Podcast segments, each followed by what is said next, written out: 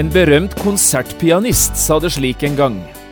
Lar jeg være å øve én dag, er det kanskje bare jeg selv som merker det.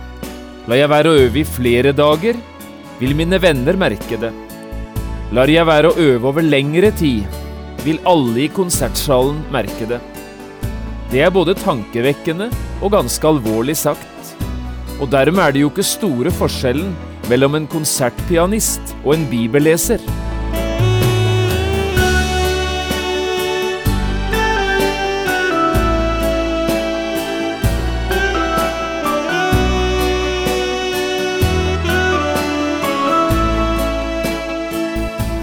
Hjertelig velkommen til et nytt program i serien Vindu mot livet. Programmet er produsert av Kristen Riksradio og blir ledet av Jon Hardang. Kristen Riksradio drives av frivillige gaver. Vi er glade for din støtte.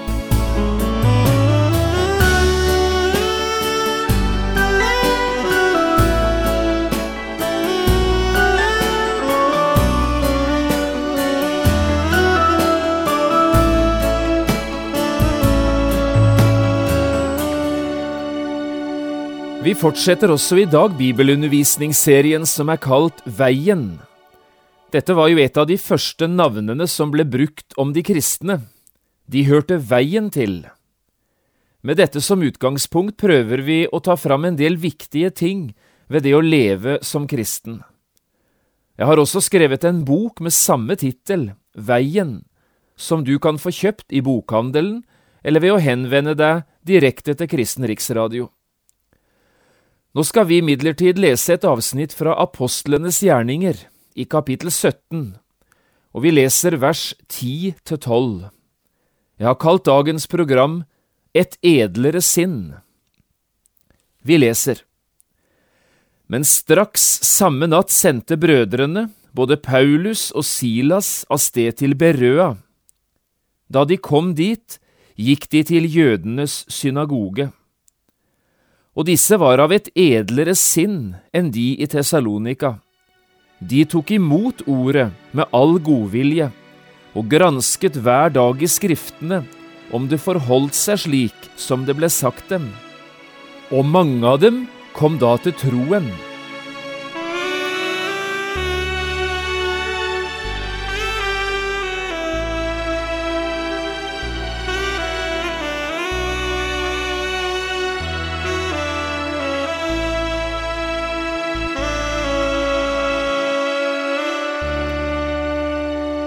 Det er mange kloke mennesker som har sagt mye fint om Bibelen. Vi avsluttet forrige program med å sitere noe Bjørnstjerne Bjørnson en gang sa om Bibelen. Jeg hadde så lyst til å gjenta dette her, nå i begynnelsen av dagens program. Hør på dette. Dikterens ord er som mynt av edelt metall. Den har sin verdi, men det pregede bildet blir slitt av og snart er den ikke lenger gangbar. Men Herrens ord er som diamanten, det blir aldri slitt, men tindrer med den samme glans til Herrens siste dag. Jeg synes dette er så flott sagt. Denne store norske dikteren viser på denne måten at han har begynt å forstå hvilken utrolig gave Gud ga oss da han ga oss Bibelen, det evige livs ord. Når Gud ga oss denne gaven, hadde han blant annet denne hensikten. Bibelen, Guds levende ord, skulle være som et lys på veien for alle dem som hører Herren til, og som vil følge Hans vei og vilje gjennom livet. Også i dag skal vi derfor snakke litt sammen om dette med Bibelen og vi skal stille to viktige spørsmål, begge med tilknytning nettopp til Bibelen, og hvordan vi skal forholde oss til denne boka. La oss med en gang nevne disse to spørsmålene, og så vil vi etterpå si en del om hvert enkelt av dem. Det første spørsmålet er dette. Hvordan skal jeg lese Bibelen? Og hvor skal jeg egentlig begynne å lese? Det andre spørsmålet, det er dette. Kan jeg stole på Bibelen? Er Bibelen virkelig Guds ord? Og hva er det som gjør Bibelen annerledes enn alle andre religiøse bøker? Det var de to spørsmålene, og det første var altså dette. Hvordan skal jeg lese Bibelen, og hvor skal jeg begynne å lese? La meg nå få lov å si litt om dette. Det bibelavsnittet vi leste sammen fra begynnelsen i dag, forteller oss om en del mennesker i byen Berøa, dit Paulus og Silas kom, etter å ha måttet flykte fra Tessaloniki. Disse Berøa-menneskene, og etter hvert disse Berøa-kristne, var kjennetegnet av to viktige ting. Det ene var dette, de tok imot ordet med all godvilje. Det betyr de hadde en åpen, tillitsfull innstilling til det budskapet som ble forkynt dem av disse to apostlene, Paulus og Silas. Og når de så åpnet seg for dette budskapet, ja, så gjorde de det i bevisstheten om at dette var Guds eget ord, det de nå hørte og tok imot. Det andre var dette, de gransket hver dag i Skriftene, står det, om det forholdt seg slik som det ble sagt. Dette var altså en daglig forteelse. De åpnet sine hellige bøker, leste litt hver dag av det som sto skrevet, de grunnet på det, reflekterte litt omkring det, og så tok de det til hjertet. Det er denne innstillingen som gjør at Lukas, når han skriver apostlenes gjerninger, sier at de troende i Berøa var av et edlere sinn enn de i Tessaloniki. Dette ble som et kjennemerke, et kjennetegn, for den kristne menighet i Berøa. De var av et edlere sinn enn de i Tessaloniki. Slik leste vi det. Og her har vi med en gang noe viktig vi skal legge merke til når det gjelder spørsmålet vårt i dag. Hvordan skal jeg lese Bibelen? Et nøkkelord er regelmessighet. Å lese i Bibelen er altså noe du praktiserer og gjør som en god vane i ditt liv, ikke av tvang, men av fri vilje, fordi du vet at du trenger det, og at du vil ha utrolig stor glede og hjelp av det du leser. Og her skal vi prøve å tenke ganske praktisk. Prøv å finne en fast tid på dagen da du kan sette deg ned og bli stille over en åpen bibel. Prøv i tillegg til det å finne et fast sted der du sitter, der du på en måte har din lønnkammerplass. Nå er det selvsagt stor forskjell på oss som mennesker. Vi har ulik døgnrytme, forskjellige yrker, uregelmessighet når det gjelder fritid og livsvaner. Dagsrytme og livsrytme skifter også i den enkelte av våres liv, avhengig av de forskjellige fasene vi er i i livet. Det er klart det er forskjell på hvordan en småbarnsmor og en pensjonist innretter seg i sin hverdag. Derfor vil jeg egentlig ikke gi et bestemt signal om hvilket tidspunkt på dagen som er det beste for bibellesning og for bønn. Det kan jo variere, men det som er viktig, er at det er regelmessighet. For de fleste av oss er nok første delen av dagen likevel mye bedre enn siste delen.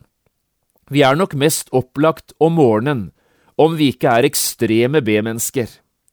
Og så trenger vi dette der, å få med oss ballasten som Bibelen kan gi oss, ut i hverdagen, i møte med mennesker og i oppgavene som venter oss.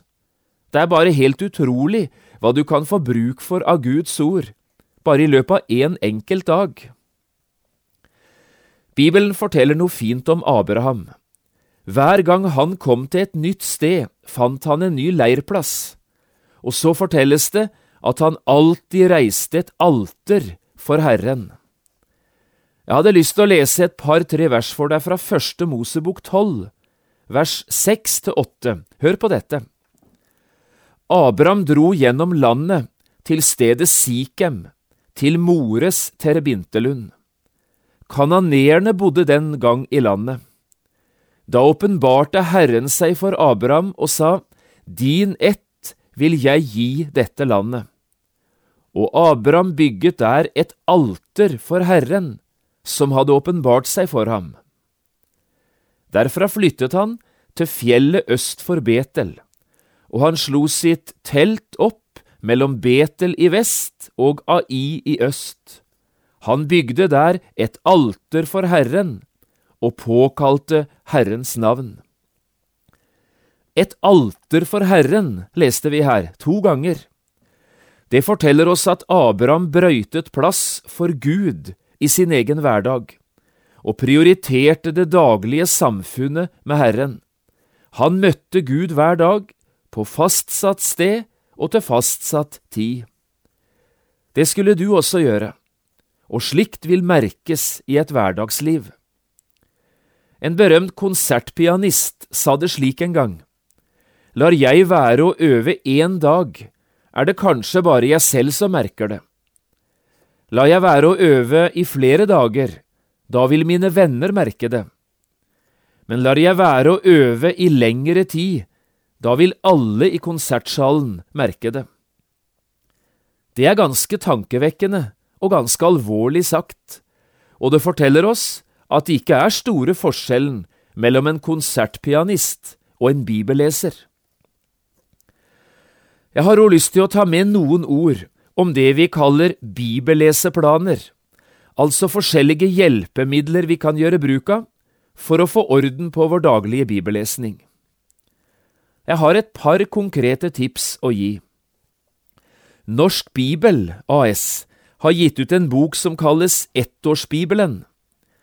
Denne boken inneholder hele Bibelens tekst, men Bibelen er delt opp i 365 deler, og for hver dag i året kan du finne bibeltekster å lese, både fra Det gamle og fra Det nye testamentet. Leser du gjennom ettårsbibelen og følger denne planen som er satt opp, da kommer du gjennom hele Bibelen på ett år. For noen vil det være for mye, men for andre er dette en perfekt løsning og et godt hjelpemiddel. Kanskje du som lytter nå skulle skaffe deg den boka og gjør et forsøk. Ellers gir Bibelleseringen i Norge ut noe som kalles Bibelnøkkelen. Dette er et hjelpemiddel som finnes i forskjellige utgaver, for voksne, for tenåringer og for barn. Også her leser du Bibelen i sammenheng, noen uker fra Det gamle testamentet, andre uker fra Det nye testamentet. Og så får du i tillegg til teksten enkle forklaringer til ord du leser, og så en framstilling av bibeltekstens hovedtanker. Først og fremst får du imidlertid hjelp til å bruke Bibelen regelmessig, og det er kanskje det viktigste også ved bibelnøkkelen. Men enten du nå gjør det på den ene eller den andre måten, det er iallfall sant det jeg hørte sagt en gang. Ta vare på Guds ord, så vil Guds ord ta vare på deg. Arbeid med Bibelen, og så vil Bibelen arbeide med deg. Det er også et annet spørsmål som mange mennesker lurer på. Hvordan skal jeg lese Bibelen, og hvor skal jeg begynne? Jeg vet ikke hva du vil si om dette, men la meg nå få lov å gi litt førstehjelp, særlig til deg som strever med å få til det der med bibellesning. Mange går i gang med å lese fra begynnelsen når de starter med Bibelen, akkurat som de gjør det i alle andre bøker. Og Det gamle testamentet inneholder selvsagt både spennende, men også vanskelige ting.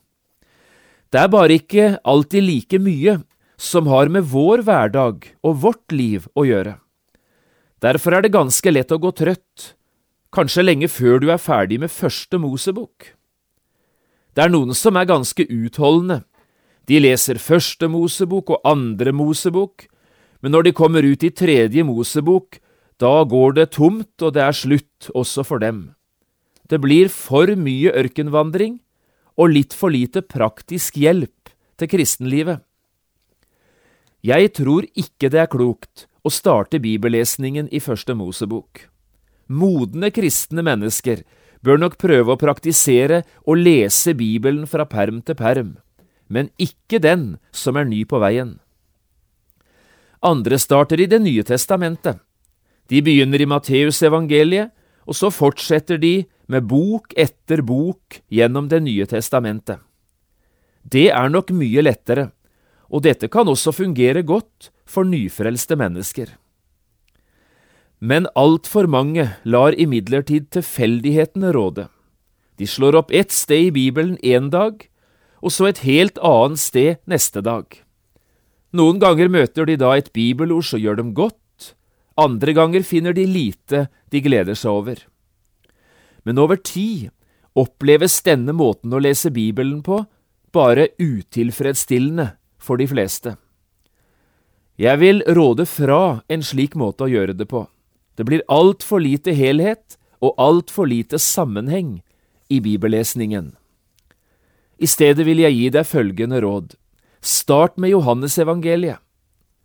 Dette evangeliet er skrevet både for å føre nye mennesker til tro på Jesus, men også for å komme dem til hjelp som er på himmelveien, og særlig de som er nye der. Hør hva Johannes selv skriver om hensikten med dette evangeliet i slutten av kapittel 20. Dette er skrevet for at dere skal tro at Jesus er Messias, Guds sønn, og for at dere ved troen skal ha liv i Hans navn. Dette må jo være midt i blinken for den som har problemer med å komme i gang med veien gjennom Bibelen. Start med Johannesevangeliet, og siden kan du så veksle mellom de andre evangeliene og de mange brevene som er å finne i Det nye testamentet. Og når du en og annen gang har lyst til å ta en tur til Det gamle testamentet, ja, så foreslår jeg at du begynner med Salmenes bok, eller profeten Jesajas bok, eller kanskje Første Mosebok. I den boka jeg selv har skrevet, som heter Veien, finnes det en slik liten bibelleseplan knyttet til Johannesevangeliet, sju uker med Johannesevangeliet. Her har jeg delt Johannes evangeliet opp i 49 mindre deler, og så kan du lese én bit hver dag. Kanskje også det kunne være til hjelp for en eller annen. Det andre spørsmålet i dag, det var dette. Kan jeg stole på Bibelen? Er Bibelen virkelig Guds ord? Og hva er det som gjør Bibelen annerledes enn andre religiøse bøker? Dette er selvsagt et stort og ganske omfattende spørsmål. La meg bare få si et par ting også om dette nå mot slutten i dag. Kan vi stole på Bibelen? Er Bibelen Guds ord? Er både Det gamle testamentet og Det nye testamentet Guds ord til oss i dag? Svaret er ja.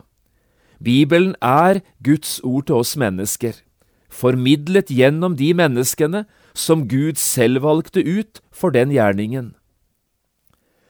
Bibelen er altså full av troverdige ord, og troverdige ord skal tas imot, ikke forkastes.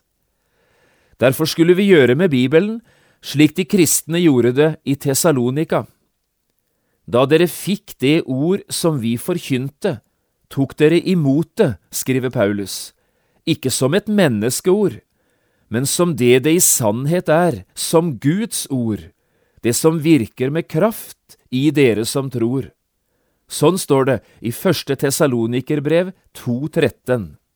Det er sannelig ikke rart at Paulus takker Gud for disse menneskene. Bibelen har selvsagt en menneskelig side. Det var mennesker som skrev ned alle bøkene i Bibelen. Ingen av Bibelens bøker falt fiks ferdig ned fra himmelen. Hele veien har mennesker satt sine spor i bibelbøkene.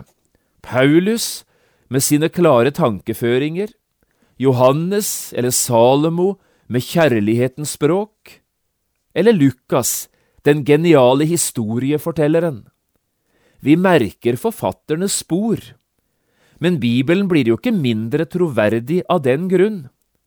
For det er Guds ord hele veien, det var Gud som ga de det de skulle skrive, selv om det er kledd i menneskelig språkdrakt.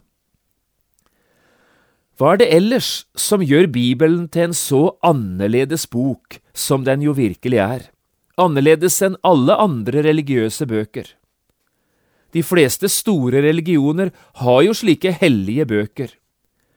Hvordan kan vi være sikre på at det nettopp er Bibelen som inneholder sannheten? Slike spørsmål er mange mennesker opptatt med, ikke minst ungdom. Skulle jeg gi ett svar på det spørsmålet, så må det være dette. Bibelen er en profetisk bok. Bibelen inneholder profetier og oppfyllelse. Hva betyr det? Det betyr at Bibelen forteller om ting som skal skje, lenge før det skjer. Vi hører en masse om profetene i Bibelen, kanskje særlig i Det gamle testamentet. Profeter, det var mennesker Gud brukte som redskaper for sitt ord. De var forkynnere eller Guds talerør her i verden. Disse profetenes tjeneste var todelt. Først og fremst var de samtidsforkynnere. De forkynte altså Guds ord inn i sin egen tid de tjente Gud i sin generasjon. Samtidig var de også framtidsforkynnere. Profetenes budskap sprengte grensene for samtiden. De så utover sin egen generasjon, inn i framtiden. Og hundrevis av år før tingene skjedde, hadde profetene sett det og varslet det. Dette er unikt for Bibelen. De fleste andre religiøse bøker mangler denne dimensjonen, for det er bare Bibelens Gud som har framtiden i sine hender. Koranen, for eksempel, muslimenes hellige bok, inneholder ikke profetiske ord. Hadde den gjort det, ja, så hadde den avslørt seg selv.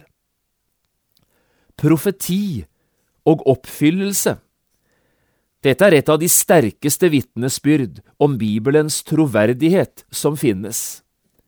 Bibelen er absolutt pålitelig. Den bekrefter seg selv, og den bekreftes av historien. Derfor er Bibelen annerledes enn alle andre bøker. Bare her viser Gud oss hvem Han selv er.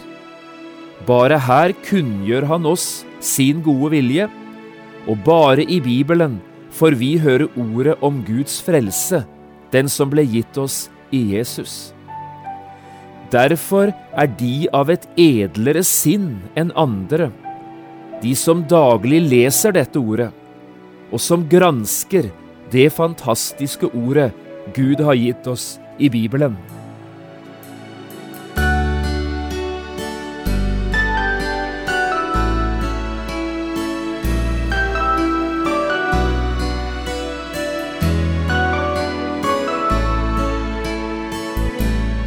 Du har lyttet til et program i serien Vindu mot livet med John Hardang.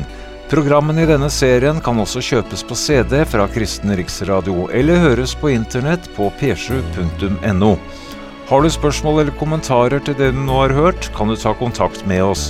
Adressen er Kristen Riksradio, Skiene 2, 5353 Straume. Eller send en e-post vml alfakrøll p7.no. Takk for i dag, og på gjenhør.